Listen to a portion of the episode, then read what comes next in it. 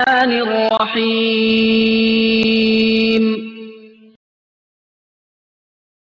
إنا نحن نزلنا الذكر وإنا له لحافظون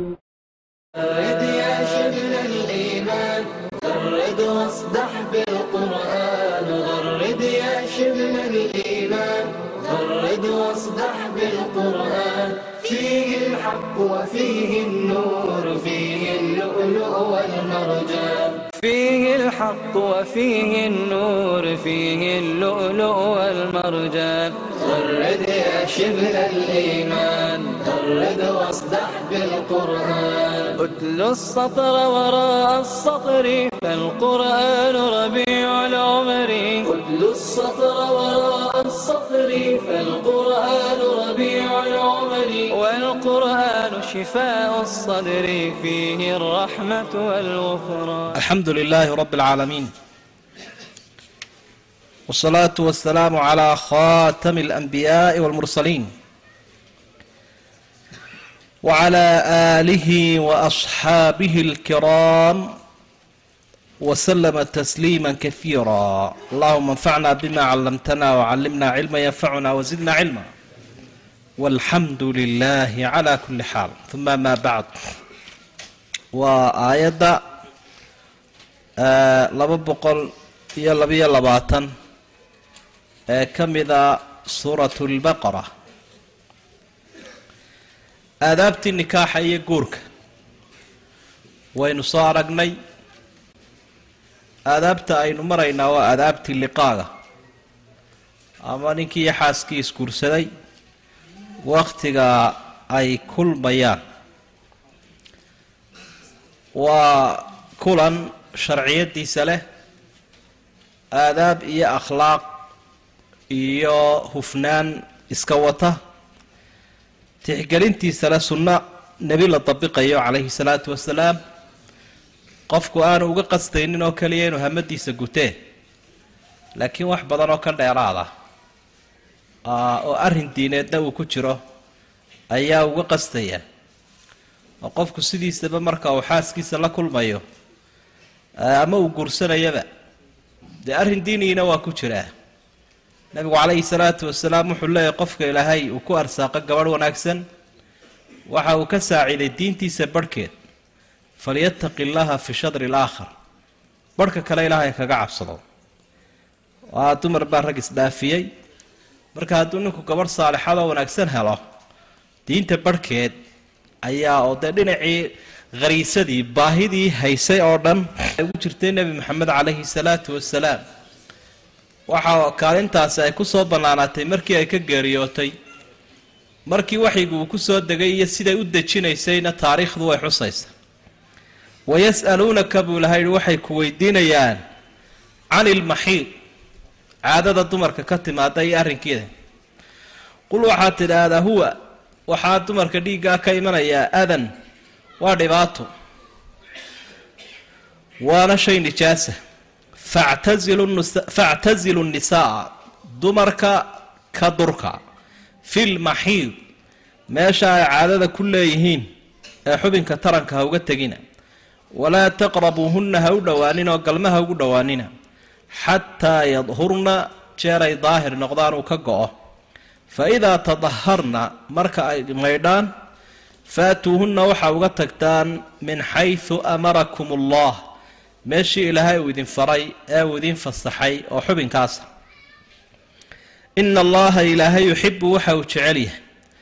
Altawaabiin kuwa ilaahay u toobadkeenuu jeclaanaya wa yuxibu almutatahiriin kuwa nadaafadda jecelna waa jeclaanaya nisaa'ukum baa ilaahay uhi ooryihiinnu ragow xarhun lakum beer bay idin yihiin fa'tuu xarhakum beertiinna waxaa uga tagtaan marka la kulmaysaan annaa shi'tum dhinacaad doontaan ama annaa shi'tum kayfa shi'tum sidaad doontaan waqadimuu lianfusikum nafihiinnana waxaa horu maraysaan wax khayr leh wattaquu llah ilaahayna ka cabsada oo aadaabta islaamka ilaaliya oo waclamuu waxaa ogaataan annakum idinku mulaaquuh inay ilaahay la kulmi doontaan. Annakum idinku mulaaquuhu inaydin qiyaamaha alla la kulmaysaan. Wabashiri lmu'miniin dadka ilaahay rumeeyey u bushaaree nebi maxamedow. Sidaasi baa rabbi uu tilmaamay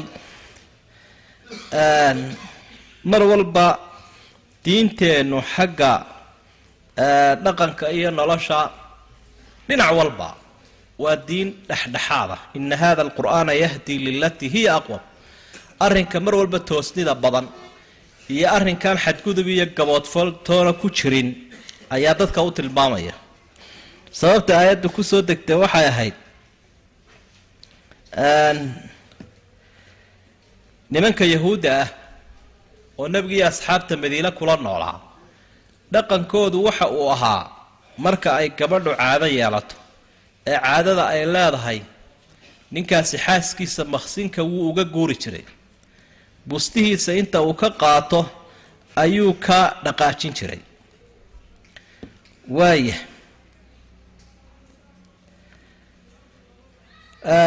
sidaasi baa xaalkoodu ahaa meeshaba uu uga haajirayaa wuxuu leeyahay waa wasakhowday dabeedna waa kaa ka guuray maqsinkii.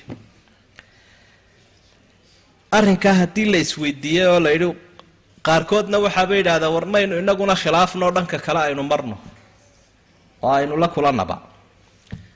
Waxaa jirayay dhaqamada qaarkood imikaba way jiraane dadkaan islaamka ahayn oo iyagana gabadha aan u miidaandayn ama caado ha lahaata ama ay lahaanin labadaasuu islaamku u dhexeeyaao waxa la yaan meeshii looga guurin ee gurigii ha lala joogo gogoshii ha lala joogo laakiin galmadii unbaa xaraama. Intaa ay gabadhu aanay daahirka ahayn cibaadaduna ay ka mamnuuca tahay galmaduna waa ka mamnuuc. Wax kaloo mamnuuci ma jiro. Marka nimankaa yahuuddaa sidoodii maaha sida kuwan kale iyaguna aan diinba eegaynina ma aha laakiin waa xalkaa dhexe ee wasadka ah. Xubinkaasunbaa xaaraana. Markaa nebigu calayhi salaatu wasalaam kolkii aayaddu ay soo degtay isagoo ummadda u fasiraya waxau ihi isnacuu kulla shayin ila nikaax. Galmada mooye wax walba waa samayn kartaa. Labada qof mucaamalo kastaa dhex mari karta oo aan ahayn galmada.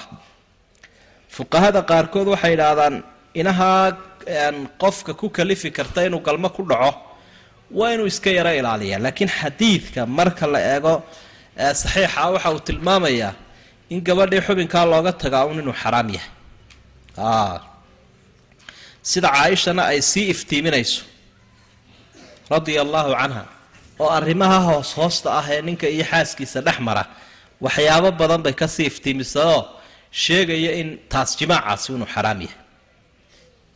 Sidaasi bay diintan dhexdhexaad u tahay wayasaluunaka cani lmaxiid asxaabtu waxay ku weydiiyeen maxiidka xaydka iyo dhiiggaa ka imanaya sidee loola dhaqmaya gabadhi marka xeed leedahay isaga laftiisu muxuu dhib leeyahay maxaa mushkilada jira qul huwa adan waxaad tidhaahdaa waxa weeye dhib wasakhna waa lagu fasiray waa nijaas in ninkuna uu iska basriyo gabadhuna iska basriso nijaas weeye huwa adan dhibaata weeye dhibkaa gabadha ka haysta caadadaa ka imanaysa waa ta looga raaxeeyay cibaadadii iyo kulankiiba. Culayska haysta daraaddeed. Waxaa culimmadu ay qirayaan casriga adibadu iyo dhakhaatiirtu. Gabadhu muddadaa ay xaaladda iyada ah ku jirto riximkeedu waa mashquulsan yahay. Markii hore isdiyaarin buu riximku sameeyey ilaahay xikmaddiisa tawarum fii jawaanib raxim. Riximka iyo dhinacyadiisa ayaa waxay samaynayaan barar. Loogu talagelayo wakhtigaa uu isdiyaarinaya in ay hooyo noqoto oo ilmo meeshii galo. Si ilmahaasi calaqadiisi ay u samaysanto oo gidaarkii riximka u qabsado. Wixii ilmahani uu ku samaysmi lahaa iyo wixii koritaankiisa iyo wixii kabitaankiisa weeye waxaan marka dambe burburaya xaydkii noqonaya.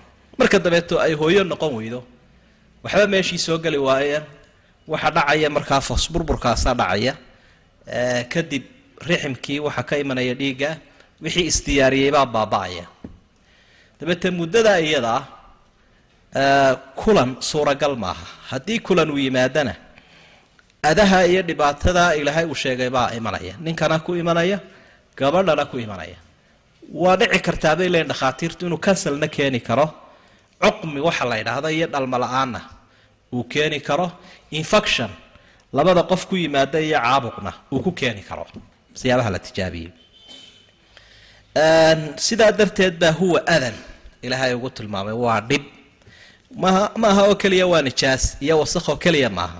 Laakiin dararka iyo dhibaatada labada qof ku imanaya daraaddeed ayaa ayaa loo xaaraantinimeeyey. Wax kasta oo xaaraana bayn hore u soo nidhi xumaan uu leeyahay baa loo xaaraantinimeeyey.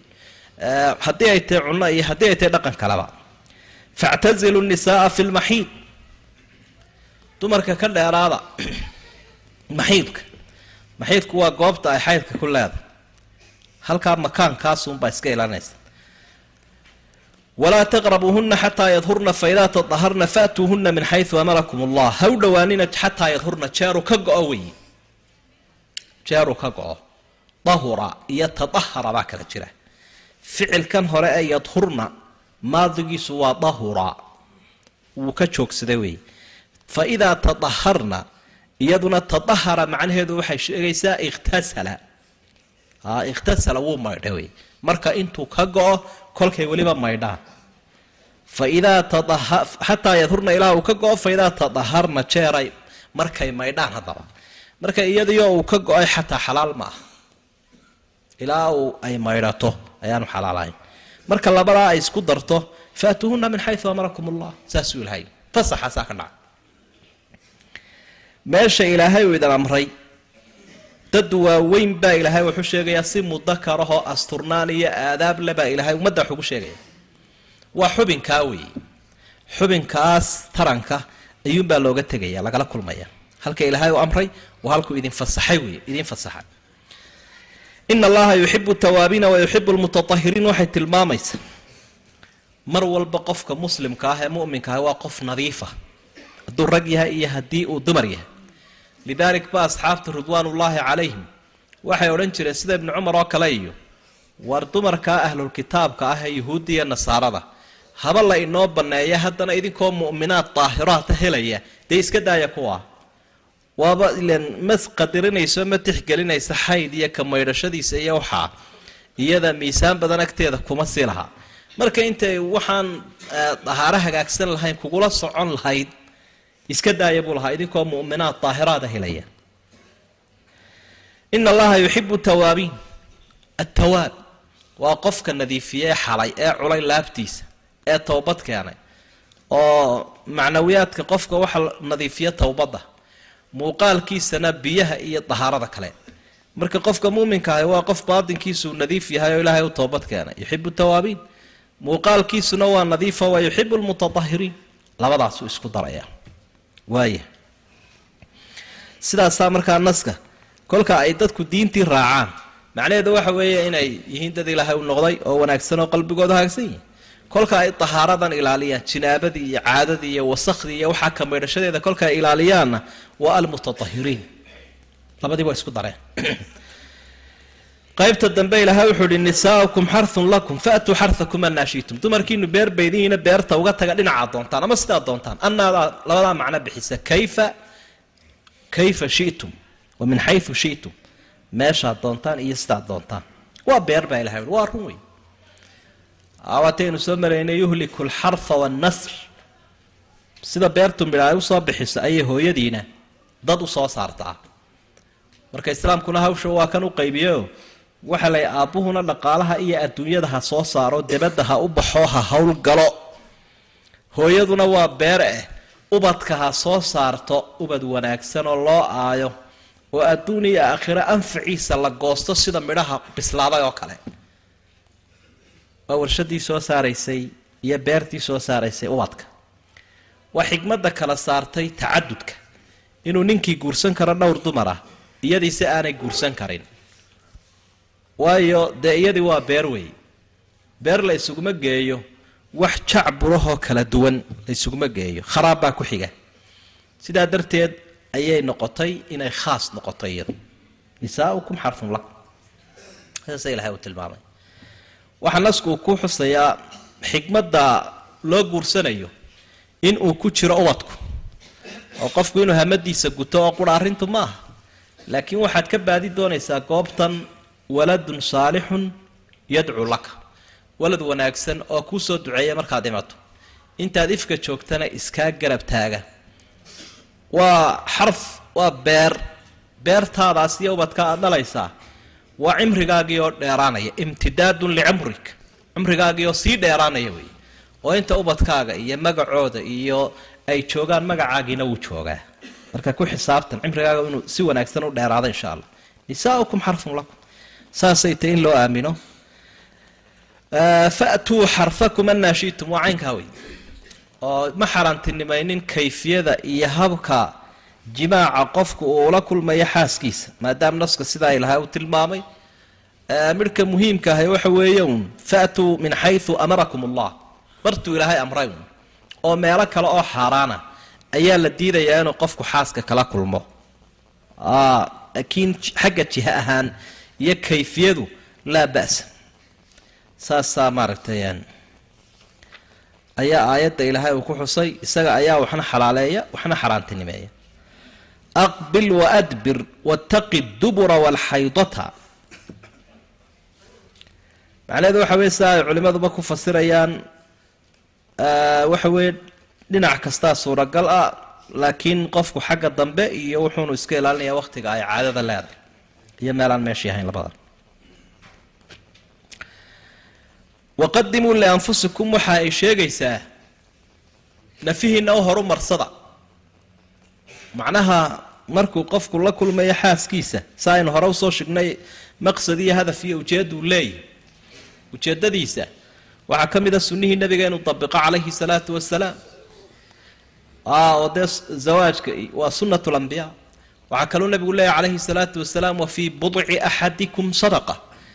Dad yahow sadaqa halkaa ku jirta halkaa sadaqaa ku jirta xataa midkiin markuu xaaskiisa la kulmaya sadaqa ugu jirta oo liiska khayrkaa lagu qoraya asxaabtu waxa leeyihiin iyagoo nabiga su'aashaa weydiiyey oo ninkan qofkan isagaaba hamoonaye labadan qofa kulmaya xaaska ahay. Haddam iyagaaba baahidoodii gudanaya waa maxay ajrigu? Oo bal ka buu ihi hadduu qofku xaaraan u tago hadduu sina la yimaado miyaan dembi loo qoreen? Ma waa loo qori laha haddaa maxaa tan ajriga ugu diidaysa? Ilaan waa tanoo dembiba waa loo qori ajrigiina waa loo qoraya. Waqadimuu lianfusikum nafiinii wuxuu horumarsada waata aynu soo sheegnay shayga cimrigiisa dheeraanaya uwadkiinu halkan ka soo baxaya u ducaynaya. Waqadimuu lianfusikum waxaa lagu fasiray aadaabtii jimaaca inay ka mid tahy ducada in la ahriyo allaahuma janibnii ashayaana wajanib shayaana mima rasaqtana qofka ducadiisa ayay maaragtay aadaabta ninka iyo maaragtay xaaskiisa labadaba inay ku ducaystaan. Ilaahay xaaladan aanu ku sugannay annaga iyo shaydaankanna kala durki allahuma janibna shayطaana wajanib shayطaana mima rasaqtana annaga iyo shaydaanka ilaahwna kala fogay. Oo wixii aad nagu arsaaqday ubad. Iyo xalaashan aanu gudanayno. Ilaahayow yaanu nala musaarakaynin oo aanu ka soo ag dhowaanin ilaahayow naga durki. Marka digri baa jira. Bisinkii uu ka mid yahay oo ducada aynu akrinay ay ka mid tahay.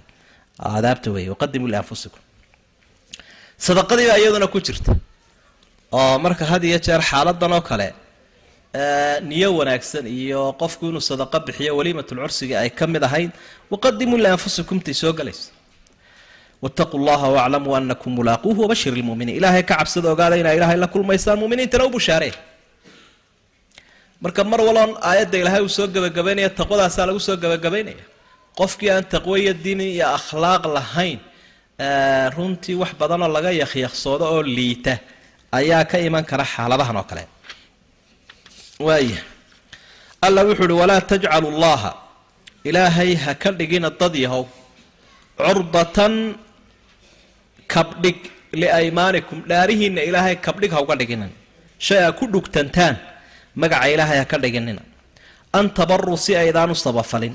Idinkoo ka dhaaranaya an tabaruu inaydaan inaad samafashaan wa tattaquu cabsataan wa tuslixuu bayna annaas dadka dhexdooda wanaajisaan intaa idinkoo ka dhaaranaya magaca ilaahay carabkiina ha ku badinina wallaahu samiicun caliim ilaahay baa wax walba maqlo ogsoon laa yu'aakhidukum allah ilaahay idinma qabanayo dad yahow billagwi fii aymaanikum dhaarihiinna wixii bilaa macnaha dhaarta bilaa macnaha ah ee carabku uu iskaga dhacda walaakin yu'aakhidukum wuxuuse idiin qabanaya oo ku dambaabaysaan bimaa kasabat. Shayga ay shaqaysay quluubukum qalbigiinna wixii uu shaqeeyu dhaar ahaan ula yimi. Wallaahu hafuurun xaliim. Ilaahay baa dembiga dhaafo oo dulqaad leh. Liladiina kuwii waxa u sugnaaday buu ilaahay yidhi yu'luuna min nisaa'ihim. Dumarkooda ka dhaaranayay. Waxaa u sugnaaday tarabusu arbacati ashhur. Afar bilood ukaadinteed. Tarabusku waa sugid tarabusu arbacati ashhur. Afar bilood baa in loo kaadiyo la sugo arrinkooda. Afartaa wixii ka dambeeya. Fa in faa-uu hadday soo noqdaan oo xaggii xaaskii uu ka dhaartay uu u soo laabto fa ina allaha ilaahay hafuurun raxiim waa mid dembiga dhaafa oo naxariista. Wain cazamuu alaaq wain cazamuu hadday go'aamiyaan oo ay go'aansadaan adalaaqa inay xaaskii iska furaan fa ina allaha ilaahay samiicun kii wax walba maqlaya weeye caliimun kii shay walba ogsoon weeye. Labiyo labaatankan aayadood aynu ku dhex jirnaa. Waa labiyo labaatanka aayadooda ka hadlaya axkaamta iyo nidaamka qoyska iyo wada jirkiisa iyo aadaabtiisa aynu ku dhex jirnaa. Baabkaa horeynu soo dhaafnay waxa uu ahaa aadaabtii guurka iyo galmada aadaabulcashara wada jooga iyo adaabta uu leeyahay baa halkan aynu ku haynaa maadaama ilaahay wuli dumarka markuu u dardaarmaya arrinkooda. Wacaashiruuhunna bilmacruuf. Si wanaagsan ula dhaqma. Si wanaagsan ula noolaada sida wanaagsanna loola loola dumarkii ayay ka mid tahay. In qofku heefid iyo haraan iyo dhaar iyo walle iyo huruuf iyo hanjabaad waxaa iska dhaafo ile qofkani waa qof zawjkii lamaanihiisii weeye beer bay isku yihiin labadooda waa qof dharkiisii oo kale ah waa qof aanu ka maarmaynin. Sidaa darteed dee wixii aanad huraynin horaa la ysaga yeelaa inaanad qofkii si xun ula joogin oo aanad dalqad ku karbaashin oo aanad walla ku karbaashin oo aanad ka sii dhaaranin oonad ka soo dhaaranin. Oo waxa dhaarta la yidhaahda laga daayo qoyska in lagula noolaado. Waaya guud ahaanba dhaartii baa laba ilaahay u qaybiyey dhaar muncaqida oo yamiin muncaqida la ydhaha iyo dhaar la ydhaahdo yamiinu laqwi dhaarta aan maaragtay guntamayn dhaarta maalan qofku labada jeerba inuu carabkiisa baro ayaa aayaddu ay diiday. Ama yamiinu laqwida ha ahaata dhaartaa iska bilaa macnaha uga imanaysa. Ama tu u badrheerayaba ha ahaatee waxa dhaarta la yidhaahdo waa in aan carabkaaga aanad barin. Inaanad dilaal saylad ku raagayno walluhu ku raftaa waa inaanu xaalkaagu noqonin oonad wallaha ku rafanin oo dhab iyo dheeldheelba dhaarta aada iska dayso carabka ku badinin. Waa kaa ilaahay yidhi walaa tajcalu llaha curdatan liaymaanikum. Curda. Curdada waxa weeye had iyo jeer kabdhig baa la odhan jiray berigii la dhugtami jiray. Marka shayga halkaasoo kale la soo dhigo waxaan tuutuuga qoriga laydhaa lagu garaacoo kale. Ama halkaa la soo dhigay lagu dhugtamayo ee kiisa soo taagaaba uu leeyahy bal anna aan la eegto magacii ilaahay sida carabka ugu badinaysaan sida bahalkaa loogu dhugtamayo kale magaca ilaahay uu noqon. Ayuu idinla fududaanin ismiga ilaahay. Ooyuu wallaahi wallaahi bilaahi tallaahi daasuna ku celcelinina. Kadaa haddaad uxiibinaysa iyo haddii aad xaaskaagii la joogta iyo haddaad ummadda waxu sheegaysa ha badin. Weliba ta sii diiday waxa weye an tabaruu watataquu watuslixuu bayna annaas. An tabaruu inaad samafashaan taxlifuuna idinkoo ka dhaaranaya min an tabaruu idinkoo samafali lahaa watataquu cabsan lahaa bayna annaas. Dadka dhexdooda wanaajin lahaa inaanan samafalin inaanan cabsidaa samaynin inaanan dhexdiina gelin. Macnaha waxa aad ka dhaaranaysaa waxa weeye samafalkaad samayn lahayd. Shay alla ka cabsi uu ku jirood samayn lahayd. Dad dhexdoodoo wanaaj aada wanaajin lahayd oo aada samayn lahayd arrimaha ha ka dhaarani. Saas wey ama allaa tabaruu idinka oo aan samafalaynin wa tattaquu aan cabsanaynin wa tuslixuu bayna annaasi dadka dhexdooda aan wanaajinayn. Waxa dhaartiinu ay ku saabsan tahay waa samafal la'aan waa cabsi la'aan waa sulxi la'aan. Saddexdaa hadduu qofku ka dhaartana dhaartiisa inuu ka kafaaro gutu saddexdaba sameeyo wey. Dad dhexdood inaanu islaax samaynayn ka samaynayn buu ku dhaartay. Shay alla ka cabsi ku jiro inaanu samaynaynin buu ku dhaartay. Shay samafal ku jiro hadduu saddexdaa ka dhaarto ha sameeyo ka tegidoodu khayr ba laha kafaara hala yimaado marka arrimahan idinkoo ka dhaaranaya magaca ilaahay carabkiina ha ku badinin. Taas waa taa. Oo asaalatan guud ahaanba ayuu tilmaamayaa markaa nasku in dhaarta waxaa la yidhaahdo aanay qofka ka imanin in badan. Marka dhaartiibaa haddaba laba qaybood noqotay oo mid qofkii loo tirinayo iyo mid aan loo tirinayn. Ta aan loo tirinayn yamiinu laqwi baa markeeda hore waa saddex qaybood yamiinu laqwi walyamiin almuncaqida walyamiin alghamuus wixii tegay marka aad ka dhaarato adigoo been ku dhaaranaya dhaartaa waxaa la yidhaahdaa alyamiin alghamuus waa dhaar dembiyahoo qofka saaxiibkii qofkii dhaartay bay dembi dhex gelinaysa. Taqmusu saaxibahaa fii baxri dunuub dembiga ayuu si aada u dhex gelaya qofka. Marka yamiin lghamuus baa la ydhaha labadanina xagga mustaqbalkay la xidhiidhaan marka taa yamiinu laqwi la ydhaha laa yuaakhidukum allahu bilaqwi fii aymaanikum. Ilaahay idinma qabanayo laqwiga dhaarihiina. Alaymaan hadalka bilaan waa taa caaisha fasiraysee leh. Waa hadalkanuu qofku odhanaya laa wallaahi balaa wallaahi. Eraygaasoo qofku uu ku celinaya qowlu rajuli laa wallaahi wa balaa wallaahi. Wuxuu leeyahy wallahi inaan saa yeelayn. Wallahi saasaan yeelaya wallahi waad iraacaysa wallahi waad cunaysa eray dee saaxiibada had iyo jeer ay isku celceliyaan oon dhaarnimo looga qastiin yamiinu laqwi baa la waxba kama ratib mayaan. Walaakin yuaakhidukum bimaa kasabad quluubukum ka qalbigiina uu kasbay uu shaqeeye dhaarnimo ugu tala gasheen baa la qabanaya. Oo maalan xaaskiisiibuu ka dhaartay sidan soo socoto oo kale inaanu muddada intaa leeg u galmoonin. Muddada intaa leeg inaanu u galmoonin buu ku dhaartay waana ka go'aan taasoo kale weeye dhaarta guntamaysa ee qofkii loo tirinayo. Walaakin yuaakhidukum bimaa kasabat quluubukum. Waata uu qofkii dhaarnimo uga jeeda wallahu kafuurun xaliim. Dembigu dhaafaa ilahay wuu dulqaata wixii aagaftaa marka toobad keentaan wuu idin dhaafi. Dulqaad buu leeyahay dulqaadkiisa ha ku dagmino ha ku kadsoomina.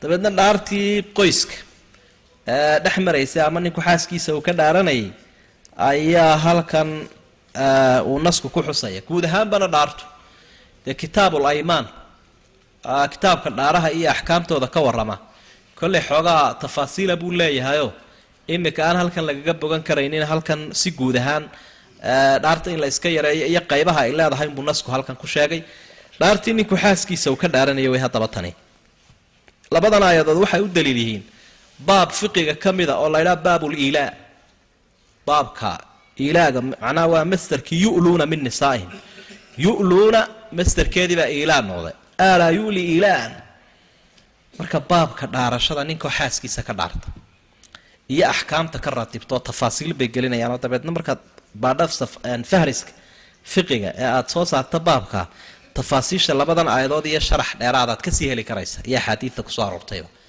waaya baabkani wuxuu ka warramayaa ninkii oo xaaskiisii ka dhaartay oo galmadeedii ka dhaartay ilan dadku waa kala noocnoocoo midba meelay ka qabsataba ama si ay ugu qalloocataba. Midba dhaartiisu nooc bay noqotaa. Wuxuu leeyahay hiblaayo inaanan intaasoo bilood kuu galmoonin. Ayaa intaa la eegaya dhaartaasu ku taagay waa la eegayaa. Afar bilood haddii wakhtigaa uu dhaartay uu ka yaryahay ha iska sugaan isagiiyo iyaduba. Waanu ka kafaaro gudan karaa labaduba haddii laakiin afar bilood iyo wixii ka sii badan. Afar bilood wax ka badan bay dhaartiisii noqotay shan bilood lix bilood sanado ayay noqotay afar bilood baa loo kaadinayaa markaa.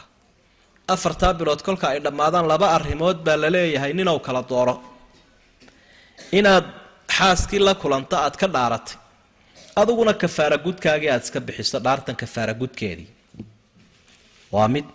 Iyo midda labaad oo ah kuu xidhnaan mayse eh inaad iska furto hadduu labadaa yeelo waa fiicanta mid ka mid a hadduu labadaba diido qaadiga ayaa hal dalqad ka furaya. Wuxuu leeyahay mar haddaad iyadii inaad la kulanto diiday mar haddaad diidday inaad furto kafaara kuu xidhnaan mayso qofkaas. Kuu deldelnaan mayso. Waxaan kaa furay hiblaayo hal dalqad. Waa dalaaq soconayo hirgelaya wey saddexdaa midun qofkii xaqeedii baa la ilaalinaya. Ruuxii dumarkaa muddada intaa la eg baa ninkeedii ag jooga ay u samri kartaa.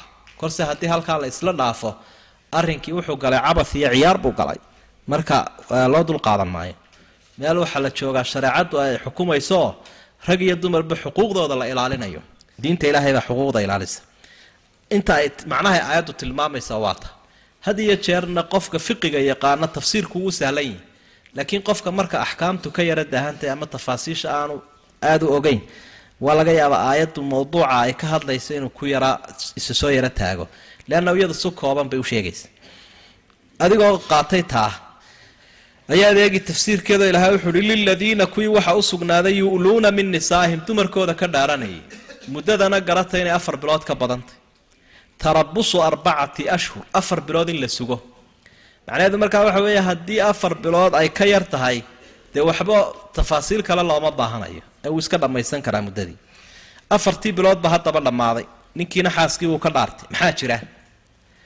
Fa in faa-uu fa ina allaha kafuuru raxiim hadday soo noqdaan ilaahay dembiga u dhaafaa u naxariistaa. Hadduu soo noqdo maxay?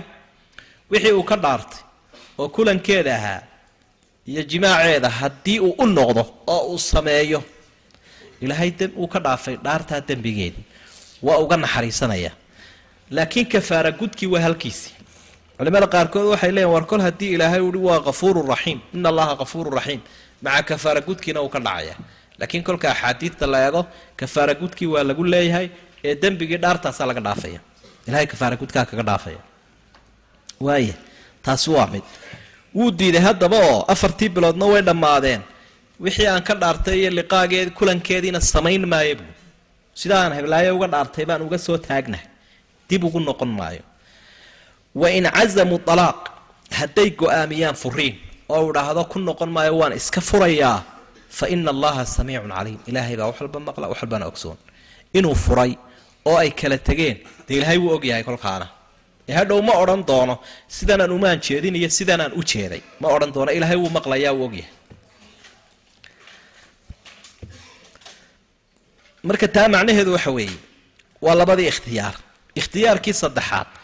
Fa in faa-udii wuu diido islaantii inuu ku noqdo wuu diiday. Kow inuu go'aan ku qaato dalaaqa uu iska sii daayana wuu diiday. Dee markaana ikhtiyaarkii waxa leh qaadigaa ka furaya. Ku hadday iyadu okay garaysay sii daysay tiraada iga fur. Qaadigaa ka furaya. Saddexdaa xaaladood midunbaa la yeelayaa muddadanina waa muddada. Gabadho ay ninkeeda ka samri karaysa sidaa naskuba tilmaamay oo naskaa laga faa'idaysanayaa cumar ibnu khadaab ayaa weydiinaya dumarka qaar ka mid oo caa'iladiisa ahaa. Markaasaa wuxuu lahaa weliba inantiisaaba la tilmaamaa xafso inuu weydiiye gabadhu intay ninkeeda ka samri karta afar bilood bay ti intay xishootay kadib waayo sababta waxaa ku kalifay waxa uu maqlay gabadh xoogaa afaraya tirinaysaoo habeen dhagtiisa ay hadalkeedii ku soo dhacay. Tataawala hada alleylu waswada jaanibu wa araqanii anlaa khaliila ulaacibu fawallaahi lowla allaahu anii uraaqibu laxurika min hada sariiri jawaanibu wallaahi habeenkani wuu dheeraaday bay leedahay. Odaygaygina waa libdho isma hayno. Haddaan alla ka cabsi jirin iyo ninkii oon tixgelinayo sariirtaasi way dhaqdhaqaaqi lahay khatar cadiim. Macnaha waxa weeyaan meeshii waxa in shaki soo galaydaa meeshii ka muuqatay. Dabeedna halkaasu arrinkani waa maxay dabagal buu ku sameeyey. Go'aankiibuu ku qaatay. Afar bilood markuu ninka ciidanka ay ka maqan yahay xaaskiisa in fasax la soo siiyo guutada la bedelo oo ilaa ciidankay gaadhay. Waa dadkii dadka u dadaalaya wey baabkani saas baabkaas baabul iilaa isagana labada aayadood baa daliil u ahoo sidaasuu noqday. Labada aayadooda ka horreeyna waxay tilmaamayeen baabul aymaan dhaaraha ayay ka warramayeen. Waxaynu halkan ka bilaabaynaa baabu alaaq furiinkii baynu ka bilaabaynaa. Markii hore dhismay ahayd qoyskii waa la dhisay dee shayga la dhisaa ama sidaasuu ku sii dhisnaadaa ama dee waa dumaa oo maaragtay wax dumiyaa yimaada. Marka hore islaamku waxa uu ka taagan yahay furiinka in la yar hakiyo oo la warwareejiyo. Kow guurkana la dhiirigeliyo furiinkana aan lagu degdegin. Halkaasaa laga taagan yahay. Waayo dadka oo lagu abaabulo guurka asturnaantaa ku jirta. Furiinka waxaan la idhaahda iyo kala tagga iyo qoysaska burburkooduna waa shaydaanu adeeg. Shaydaankiio loo adeegaya wey sida uu nabigu calayhi salaatu wasalaam xadiidka ku xusayo waxa uu ihi shaydaanku kursi weyn buu dhigtaa badweynta dhexdeeda. Kii u weynaa malcuunka ibliis. Markaasuu dabeetana soo diraa junuud iyo kooxo. Waxay ku soo faafaan adduunyada iyo weliba dadka muslixiinta ee wanaagsan. Ayay ku soo dhex faafaan. Marka dambena dib bay ugu noqdaan markay wax soo fasahaadiyaan. Warbixinuu ka qaataa adigu maxaad qabatay? Waxay waxaasaan sameeyey kaasaan kharibay kaasaan isku diray waxaasu akhriyaya mid walba siduu leeyahy ii fadhiiso. Ayaa marka dambe mid baa imanaya wuxuu odhanayaa ninkii hebel waxba kagamaan tegin ilaa aan isaga iyo tii qoyskooda kala eriyey. Isaga iyo afadiisii ilaa aan kala eriyey. Waxba kagamaan tegin. Adigaa igu bannaane soo fadhiisa buu leeyahy aad baad u shaqaysay ninkaasaa biladgeesi leh. Marka waa shaydaan u shaqayn. Ayuu tilmaamayaa xadiidku. Sidaa daraaddeed baa ninkuna inuu sabab la'aan ku furo gabadhiisa ay aanay hagaagsanayn oonay wax fiican ahayn. Gabadhuna inay codsato dalaaqa sabab la'aan iyaduna aanay bannaanayn almukhtalicaatu huna almalcuunaat oo kamaa qaala calayhi salaatu wasalaam afarkii dumarka markaa dalqada ninka ka iibsanaya ee sabab la'aan iska furaya nacdal bay ku mutaysanayaan. Ilaa meeshii qoys dhisnaayo isku arsurnaa oo xabad lebanoo mujtamaca ka mid ahaabaa ka baxaya ubadkiibaa burburaya o dhan baa dhacaysa. Waaya haddaba wada noolaanshihii hadduu suuroobi waayo oo markii la dadaweeyey ee maxkamaddu eegtay ee xigtadu eegtay ee saaxiibadu la eegeen ay labadan qof noqdaan laba kala quustay oo kala lolaanshahoodu dhib badan uu keenayo. Walaaltinimadii islaamka uu ka dhaawacayo kolkay noqoto halka laga taagan yahay waxa weye islaamku ka taagan yahay alkayu aakhiru dawaa dabku waa dawada u dambaysa markaa. Kolkaad kiniinadii eraabkiiy wixii o dhan uu qofku soo dhameeyey dee dabna bal aan ku daya buu odhanaya waa kaa iskubay. Marka waa loo dul qaadanaya markaa furiinka labadii qof way kala tegi karaan kolkaa. Fa imsaakun bimacruufin aw tasriixun biixsaan. Inay si wanaagsan u wada joogaan iyo hadday tiisuroobi weyday inay si wanaagsan u kala tagaan. Waxaa halkaa ka duwan nimankan kaniisada la idhaahdo ayaa iyagu waxa ay mamnuuceen madaahibta qaar ka midihii in labada qof aanay kala tegiba karinba. Qaar yidhaha ma guursanayo iyo qaar yidhahda hadduu guursadana qof wax furiin la yidhaahdaa ma jiro. Dabeetana kolka ay isa seegaan. La odhanayaa way iska lulanayaan ninkii iyo gabadhiisii ismana qabaan manay kala tegin laakiin way kala lushaan. Oo muddo way kala maqan yihiin baad idaacadaha ka maqlaysa. Marka ay laba qof ka warramayaan ninkan iyo gabadhiisu way kala maqan yihiin. Macnaheedu waa kala lulasho dalaaqii baa la diidan yahay. Waaya dalaaqu arrinkiisu waa kaa weeye. Xikmadaha runtii ku jirana dee inahaasaynu ka soo tilmaanay laakiin dalaaqa imanayaa waa inaanu keenin gabadha inay xuquuqdeedii weydo ama ubadkii xuquuqdoodii waayaan ubadku waa inay xuquuqdoodii helaan ilaa ubadkii muu furine. Waa ubadkiisiiye ooridiina wixii xuquuqay lahayd meherkii iyo masruufkii carruurta hayntiisa iyo waa heshaa iyaduna. Adaabtaasuu qur'aanku ka warramaya. Iyo labadii qofa isfuray xaqa ay isku leeyihiin waxa ilahay uhi waalmudallaqaatu dumarkii la furayo tarabasna ha sugeen. Bianfusihinna nafahooda ha u kaadiyeen. Oo iyay guur ku degdegin halaathata quruu saddex jeer intay daahir noqonayso gabadhu. Gabadhu inta ay saddex jeer daahir noqonayso yay nin kala guursanina cagta ha u dhigto. Walaa yaxilu lahunna. Dumarkii xalaalu maaha la furay. An yaktumna inay qariyaan maa khalaqa allaahu waxa ilaahay uu ku abuuray fii arxaamihinna riximkooda iyo makaankooda waxa ilaahay uu ku abuuray. Yay qarin in kunna haddii ay yihiin yu'minna billaah ilaahay hadday rumaysan yihiin walyowmi alaakhir iyo maalinka qiyaamaha. Hadday ilaahay iyo aakhira rumaysantahay qof iimaan la tahay hadday uur leedahay iyo haddii wax ka siiyiin ha sheegto ila arrin baa ku xidhanay. Wa bucuulatuhunna raggooda. Wa bucuulatuhunna waa raggoodii waa ninkii furay. Axaqu isaga ayaa ku habboon biraddihinna inuu soo ceshado fii daalika muddadaa aanay weli cadad bixin ee cadadbaxa ay ku dhex jirto inuu soo ceshado isaga xaqu leh oo ragga kale oo dhan uga dhow. In araaduu islaaxan hadday wanaag doonayaan raggaasi ninku hadduu doonayo markanuu soo ceshanayo inuu reerka dhaqdo isaga cid walba kaga xaq leh. Walahunna dumarkii waxay leeyihiin xagga xuquuqda marka la eego mithlu ladii calayhinna kii iyaga saarnaayoo kale. Bilmacruuf si wanaagsan. In xaqoodii loo siiyo ayay leeyihiin. Walirijaali raggii waxaa u sugnaaday calayhinna dumarka waxay ku leeyihiin daraja dheeraad. Oo xuquuqda ragga ayaa iyaduna sii dheeraad leh. Wallaahu casiizun ilaahaybaa awood badan oo awood leh. Xakiim shay walbana meeshiisa dhigo xikmad leh. Markaa cisigiisu waxa uu keenayaa ciddii gardaran inuu cadaabo. Xikmadiisu waxa ay keentay axkaamta wanaagsanee suuban inuu ilaahay u dejiyo. Ummadda uu abuuray. Ayaddu waxa ay ka warramaysaa oo ay waajib kaga dhigtay gabadhii la furay inay ciddo tirsato. Ciddadu waxa weeye muddo ay gabadhu markuu kii hore furay aanay guursan karayn. Waa wakti la baxnaaninayo bareerkani hadduu rajo leeyahay inuu isa soo ceshado. Ilaahay baa wuxuu uhi laa tadrii lacala allaha yuxdiu bacda dalika amra. Qof yahow waxba ma ogide qofkaagana cadhaysane degdegaya gabadhan dalqadaha ku daldalaya waxba ma ogide lacala allaha yuxdiu bacda dalika amra waxaa laga yaabaa inuu ilaahay xagga dambe arrin ka keeno. Aanad filayn. Oo labadii qof markii hore aad bay isugu cadhoodeen aad bay isu laayeen aad bay isu naceen. Laakiin haddana kolkii ay isfureen dalqadaasi ay dhex martay ee mid waliba gooni u seexday ee iyaduna odaygeedii ay weyday isna islaantiisii u waayey. Caruurtii oo dawaqsanna ay arkeen. Dadkii soo xudha xudhaynaya dabada ka waday oo ku wiirsanaya. Ee shaydaamada ahaa oo ku wiirsanaya kolkay arkaan ayuu dabeetana mid waliba farta dhexda ka qaniinaya. Kolkaase iyaduna odhanaysaa way qarsanaysaa une odaygii xaggaad ka gaadha. Isaguna wuxuu leeyahay isagoo madaxa xoqanaya intuu culimmada u yimaado. Warqiil iyo wax ma lay haya sheekh arrinkii reerkaa wax iga si noqdeene. Waxaan doonayaa bal in arrinkaa hoos la igu eego. Sheekh waan cadhaysnaa way igu qasabtay. Qiilal fara badan oo waa waa waa saa isu daba taagan. Ayuu markaa daldalaya. Waaya marka muddadani waa muddo jaanis la siiyey.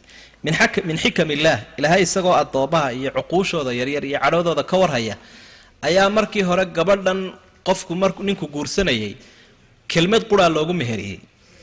Kelmad qura heblaayo waan kuu guuriyay isagu wuxuu ku jawaabay waan guursaday. Kelmadaasaa heshiiska uu saxeexay ee inantan uu ku xalaalaystay reerkooda uu kagala wareegay ee xuquuqdan dhexdooda martay kelmadaasaa keentay. Kelmadiibaa ilaahay saddex faraar uu yeelay oo saddex dalqadood leh. Ila waa gaarigaa soconaya taayirna waa inuu ku jiraa. Taraag dheer buu maraya gaarigu markuu taraag dheer maraya taayir istabniga aada loogu banayaa. Laba istabnina wuu sitaa. Laba istabni ayuu sitaa. Markaa saddexdaa dalqadood baa ka soo baxay. Hadday midi dhacdo oo marka hore mid furo labaa u hadhaya. Wayse soo canaananayaanoo dabeedna wuu soo ceshanaya haddana. Haddana mar labaad buu furay oo way ka dhacday.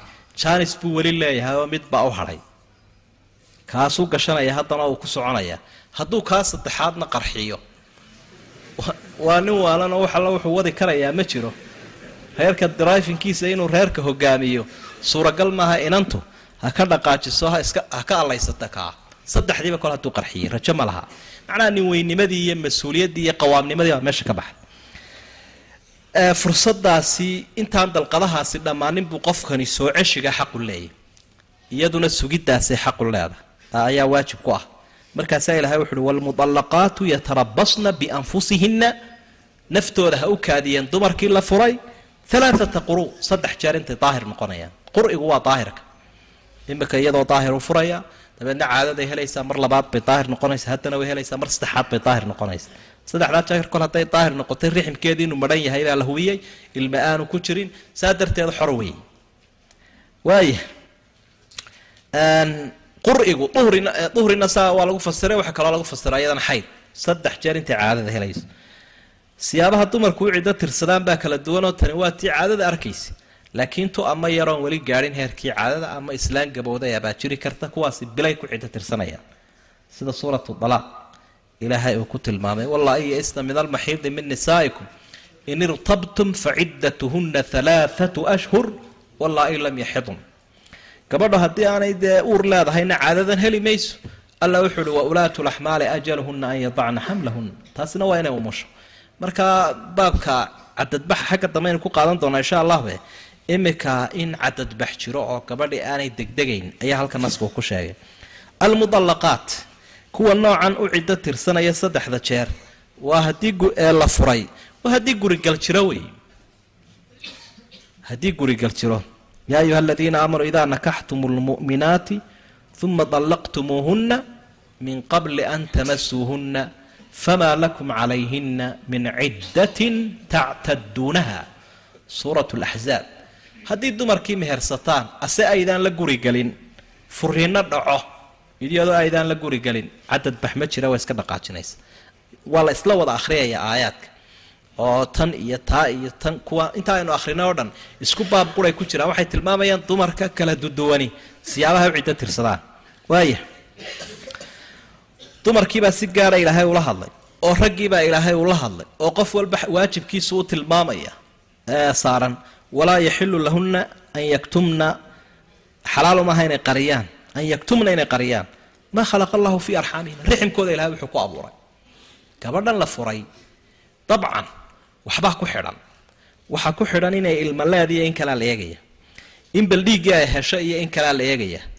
Muddada ay ku hesho in uurkii caloosheeda wax ku jiraan haddii ay maaragtay inta bilooda uu yahay cidda leh ee dhashay ma ku horaa dhalay ma kan dambaa dhalay caadadu muddada ay ka socoto siyaabaha isu bed waxaasoo dhammi wax cid kale la og tahay ma ahee waa wax iyada iyo ilaahay isla ogyihiine yay qarinin arrimaha abtirsiimadii iyo xuquuqdii iyo nafaqadii iyo wax badan baa ku xidhan.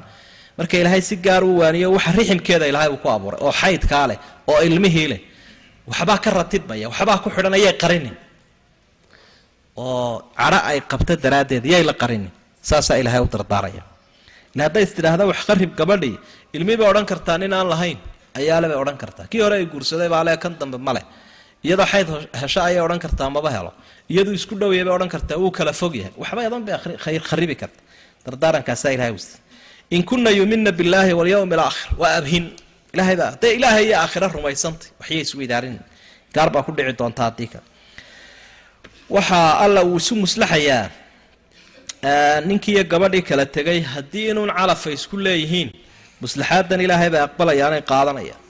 Wa bucuulatuhunna axaqu raggoodii furay baa ku xaq leh biraddihinna inay soo ceshadaan fii daalika muddada ay cadadbaxa ku jirto in araaduu islaaxan hadday wanaag doonayaan ninkii gabadha furay ayaa ugu habboon xaqna ku leh inuu soo ceshada intaanay cadadbixin intaanay cadadbixin cid kale ma guursan karto isaguna xaq wuxuu u leeyahay soo ceshi soo ceshigaasi wuu ka sahlan yahay meherintii loo meherin lahaa wuu furay xaaskiisii kama iibsanin hadday ka iibsatay mid soo ceshan kareen oo khulci baa la ydhaha waynu arki doonaa.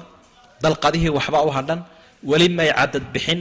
Arrimaha kolka la isla helo xaaskaygii waan soo ceshaday heblaayo hebel buu odhan karaa. Xaaskaygii heblaayo hebel waan soo ceshaday. Meher iyo waxyaabo kale uma baahno allahuma ilaa culimada qaarkood baa shardi ka dhigaya markhaatiyaal inuu sameeyo. Waxaase sii wanaagsan dee inuu iyadana ogeysiiyo? Shardi maaha inuu ogeysiiyaa fiicanoo murankay jaraysaa xaqiiqada iyaduna ogaanaysa. Iyagaa ku xaq leh. Macnaheeda cid kaleba uma banaana aayaadka dambeaynu ku arki doonaa gabadh la furay oo weli aan cadad bixin oo ciddadii tirsanaysa in lala hadla iyo in guur lagala haasaawo iyo in lagula heshiiyo intuba waa xaraam weeye xagga dambe aynu ku arki doonaa. Shardiga raggii ku xidhani waa in araadu islaaxan hadday wanaag doonayaan. Aayaddu dhaqamadii carbeed iyo dhibaatooyinkay lahaayeen ayaa aayaadku ay saxayeen in dhaqan waloo jaahiliyada. Nin asxaabta ka mid ahaabaa walaashii ayaa maaragtay nin furay. Kolkaasaa uu diiday inuu maaragtay u celiyo ama u meheriyo. Aayaddu way la hadlaysaa iyo aayad kaleo aynu xagga dambe ugu tegi doonaaba. Qaarkood baa marka ay gabadha furaan. Wuxuu odhan jiray heblaayo wadi kadeede anna waan ku kadeed. Iminka intoon ku furo ayaan markaad sii cadadbaxayso ayaan ku celinaya. Haddana kolkaad sii cadadbaxaysaan ku soo celinaya weligayba saasaan kuu silcinayaa sanadaad kadeednaatide gabadh la qabana ma noqonaysid tun la furayna ma noqonaysid fatadaruuha kalmucallaqa mid deldelan baad noqon doonta. Ilaahay wuxuu uhi in araaduu islaaxan hadday wanaag u jeedaan shardigu uu gabadhan ku soo ceshanaya waa hadduu wanaag u xaggii xuquuqda ilaahay uu ka hadla waxau uhi walahunna milu ladii calayhina bilmacruuf. Dumarkii waxay leeyihiin milu ladii xaqii oo kale calayhina dushoodaha xaqii iyaga lagu lahaa oo kale iyana ragga ku leeyihiin dumarku xaq bay ragga ku leeyihiin ragguna xaqay dumar xaq bay dumarka ku leeyihiin walaabudda an yucطiya kullu waaxidin saaxibahu xaqa. Mid waliba waa inuu kiisa kale xaqiisa siiya marka xuquuqdaa la oofiyana arrimuhu way iska sahlanaadaan. Nabiguna calayhi salaatu wasalaam markii ummadda sagootiyaya xajatulwadaac xuquuqdanu waxyaaba u dardaarmayay ka mid ahay. Waar dumarku waa amaanat ullah wastaxlaltum furuujahunna bikalimati illaah alaa wastawsuu binnisaai khayra war dumarka khayr isu dardaarma wariyiina iyo xaasaskiina mid walbaba waxaad tiraa hebelow adigu hagaaji hebelow adna hagaaji. Saa isugu dardaarma war waa ammaano ilaahay. Waa qof reer ubad u ahaayo ammaano ilaahay aad ku soo agtaada ku jooga. Waxa weeye kelmadaasaad ku xalaashatay cawradooda. Marka iska ilaaliya buu nebigu laha alayhi salaatu marka xaqa la sheegayaa xaqii wuu noqonayaa anficii ay qofkani yeelanaysa iyo adaabtii wanaagsaneydee lagu barbaarin lahaa iyo aqoontii la siin lahaa iyo qalbigeedii la dhowri lahaa waxo dhan walirijaali calayhina daraja. Raggii waxa u sugnaaday darajo dheeraad bay ka leeyihiin ragga. Ee dumarka ka leeyihiin. Dheeraadkaasina waxa wey dee ka hogaaminta waa mu'asisad cajiiba oo mujtamacaadku halkay ka soo dhismaan. Waa qoysaska.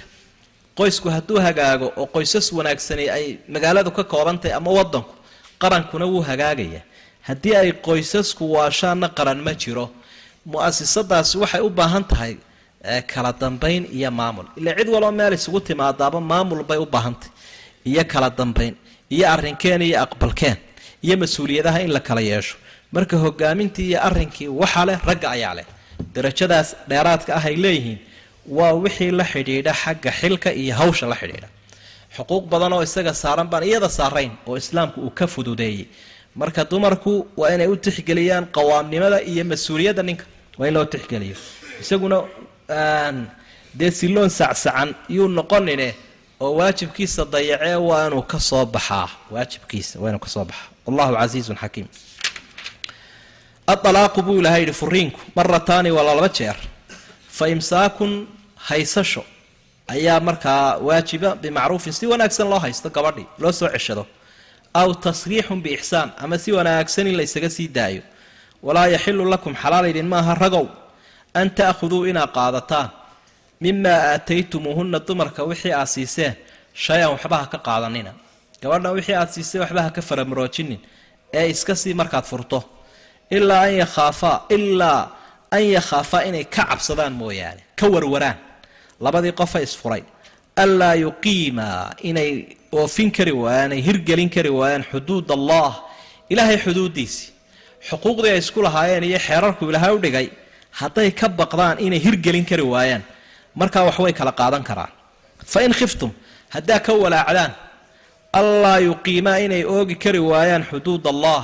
Ilaahay xuduuddii iyo nidaamku u dhigay hadday labadan isqabaa fulin kari waayaan oo arrinku uu kala tag noqdo falaa junaaxa calayhimaa labadan qof dembi ma saarna fii ma ftadat bihi wixii ay isku furato wixii ay dalqada kaga iibsataa wax dhiba ma laha kolkaa ilaan iyadaa sii socotee tilka xuduudullaahi ilaahay ilaahay xeerarkiisii nidaamkiisii weeye falaa tactaduuha ha tallaabinoo ha gudbina waman yatacadda xuduud allah ilaahay nidaamkiisa cidda tallowda iyo xariiqu u dhigay fa ulaa'ika hum aldaalimuun kuwaas waa dulmi falayaan.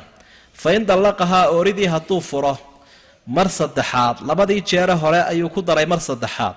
Falaa taxilu lahu xalaalu maaha min bacdu intaa kadib xataa tankixa jeeray guursato zawjan hayra ninaan isaga ahayn ilaa ay soo marto kii hore xalaalu noqon mayso. Fa in dallaqahaa hadduu furo ka dambe weeye kii dambaa furay. Falaa junaaxa calayhimaa dembi ma saarna labadii qof kii hore iyo gabadhii an yataraajacaa inaysa soo ceshadaan in dannaa haddii ay maleeyaan an yuqiimaa xuduud allah. Ilaahay xeerarkiisi iyo xuquuqday labada qof isku lahayn hadday hirgelin karayaan nidaamkii qoyska. Wa tilka taa qaaliga ah ee ilaahay uu soo dhigdhigay xuduudullah ilaahay nidaamkiisii weeye samaawiga ahaa yubayinuhaa wuxuu u caddeeyey oo u iftiimiyey oo u kala saafay liqowmin yaclamuun. Dad aqoon leh.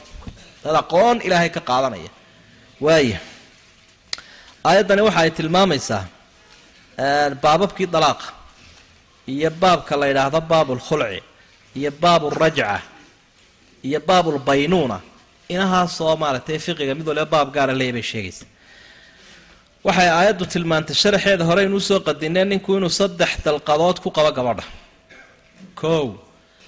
Horeynu u soo aragnay inuu soo ceshi xaq u leeyahay soo ceshiga goormuu xaq u leeyahay goormaanu si xaq u lahayn. Markuu mar furo ee uu laba furo labadaa jeer buu soo ceshi leeyahay. Waa taa ilaahay uhi adalaaqu marataan asha ayaa cahdiye ah waa cahdun dikriyun. Cahdi macnaha shay la soo sheegay bay bidhaaminaysa. Macnihiisuna waxa weeye adalaaq alladii tumkinu fiihi rajca. Furiinka ay suuragal tahay inuu qofku soo ceshado gabadhiisa furiinka soo ceshigu suuroobaa marataani waa laba jeer. Ka laba jeer qofku uu furaabay suuragal tahay inuu soo ceshado. Macnahaana waxaa sii fasiraya fa in dallaqahaa falaa taxilu lahu. Hadduu mar saddexaad furo xalaalu maaha. Marka sidaasaa labada aayadood isku xiga ay isu fasirayaanoo dalaaqa ay suuragal tahay inuu soo ceshi ka dambeeyaa waa marataanika laba jeera. Haddiise markii saddexaad la gaadho soo ceshi ma jiro waxaa kaloo sii cadaynaysa fa imsaakun bimacruufin aw tasriixun biixsaan baa ku jira. Markuu mar furuu laba furo soo ceshi buu heli karaa wanaagsan iyo sii dayn wanaagsan. Laakiin mar saddexaad fa in dallaqahaa baa taalla. Hadduu furo soo ceshi ma jiro. Marka dalaaqaas tilmaantaasaa ilaahay uu ka bixiyay addalaaqu marataani furiinka laga soo ceshan karaa waa laba jeer. Fa imsaakun soo baa waajiba bimacruufin si wanaagsan uu soo ceshado qofkii aw tasriixun biixsaan ama si wanaagsan uu daayo mar hadduu laba jeer furay. Marka labaad soo ceshiga ka dambaynaya waa inuu niyo wanaagsan iyo niyad samaan wato ama uu iskaba daayo qofkii uu sii daayo. Labadaa midunbaa la ogolyahay waaya waxa ilaahay uu diiday gabadhan meherkeedii kol haddii ay ninkii kala tegayaan oo tasriix ay sii dayn tahay dee meherkeedii ha siiyo oo masruufkeedii ha siiyo oo xuquuq wixii ay lahayd ha siiyo walaa yaxilu lakum an ta'khuduu mima aataytumuuhuna shay-a. Wixii aad siiseena meher ahaa waxba ha kala hadhina waxba ha kala hadhinee siiya. Kala tagnee sheegsheegan hadhan arrinkiisu waa inuu noqdo oo ugu shubo. Ilaa anlaa yuqiima xuduud allah hadday ka cabsadaan inay xuduuddii ilaahay oogi kari waayaan oo gabadho ay istidhaahdo wallaahi xaqii lagugu lahaa fulin kari maysid. Markaa waxa bannaan inay meherkii uga tanaasusho ama wax kaleba ay siiso oo ay tidhahdo war ifurun inay tidhahdo khulci baa la idhaahdaa macnaha waa ka dhex siibasha ay cismadiisii iyo caqadkiisii ka dhex siibanayso. Oo arrinka ninka haddee wadi kari weydo sharcigu wuxuu u baneeyay inay dalqada ka iibsato si ay isaga maarayn karto. Tiibaa nasku uu tilmaamaya. Fa in khiftum haddii aad ka cabsataan xigtadii iyo maxkamadii iyo mas'uuliintii iyo wixii dadkii isqabay iyo haddaa ka warwartaan allaa yuqiima xuduud allah inay xeerkii ilaahay oofin kari waayaan falaa junaaxa calayhima labadan qofa isqaba dembi kama haysta fii maftadat bihi wixii ay isku furato maaduna ibhaan bay tusinaysaaye wixii kolkii hore isaga ay ka qaaday ayay leedahay war waan kuu celinaya waxa kaloo ay ku dari kartaa in kale ay ugu kordhiso asxaabiyad baa nabiga calayhi salaatu wasalaam u timo waxay tihi ninkaygan waa nin wanaagsan diin iyo akhlaaqtoona ku ceebayn maayo laakiin akrahu lkufra fi lislaam haddana la dhaqankiisii waan ka soo taagno abateedkiibaa iga dhintay ninkiibuu saxaabiga ahaa buu nebigu u sheego wuxuuhi islaantaadii way soo taagantahay ka waran dee waxba sii haysan maayo laakiin beer weyn baan siiyo meher ahayd buuhi maxaa laga yeelayaa naadee maxaad yeelaysaa buuhi adigaa sii socdee dee waan siin bay tidhi oo beertii waan u celin. Waar adiguna qaada buui te iska furay buui laakiin waxaan la isweydiinaya yaradkii iyo gabaatigii yaradkii iyo gabaatigii iyagu waxay ahayn hibe iyo hadiyad lagu maamuusay xidhidka ee ma ahayn wax inanta lagu iibsaday ma ahayn marka inuu qofku idhaahdo yaradkii iyo gabaatigiina ha la soo celiyo maya. Arrinkii meherkeedun weeye kan nasku sheegay. Wa tilka xuduud ullahi falaa tactaduuha waman yatacada xuduud allahi fa ulaa'ika hum aalimuun saasaa ilahay ugu celcelinaya. Fain dallaqahaa falaa taxilu lahu. Hadduu mar saddexaad furo xalaaluma noqonayso. Min bacdu intaa uu tii saddexaad furay kadib. Xataa tankixa zawjan hayra ilaa ay nin kala guursato. Mar hadduu tii saddexaad furo saddexdaa jeeroo kala tagtagsan xalaalu noqon mayso. Ilaa ay nin kala guursato. Ka dambey guursanaysana waa inay iskeedu guursato. Iyo dar ilaahay. Laakiin aanu muxallil noqon. Maxlal. Maxlalka waxay u yaqaanaan soomaalidu isagu xaaraan weeye. Waa arrin ikhtiyaariya laba qofoo isjeclaado isguursada waynayay hadduu laakiin idhaahda in adeerkaalay dalqadiba iga dhammaaday habeenna ii arag iyada. Oo dabeetana ii fur in adeerkayo nebigu magac buu u bixiyey atays almustacaar. Ninka isagae wax maxlalaya waxa weeyaan buui waa orgac la ammaanaystay ninka weyne soo dhaqaaqa ee gabadh la kulmay habeena dabeetana ka dhaqaajiyey ee nin kale u danaynaya waa orgac la soo ammaanaystay buu nebigu. Marka maxlalku inuu xaaraan yahay? Buu xadiidku sheegay lacana allahu lmuxallila walmuxallala lahu. Wuxuu nebigu leeyahy ka wax loo maxlalayo iyo ka wax maxlalaya labadaba ilahay ha nacdalo.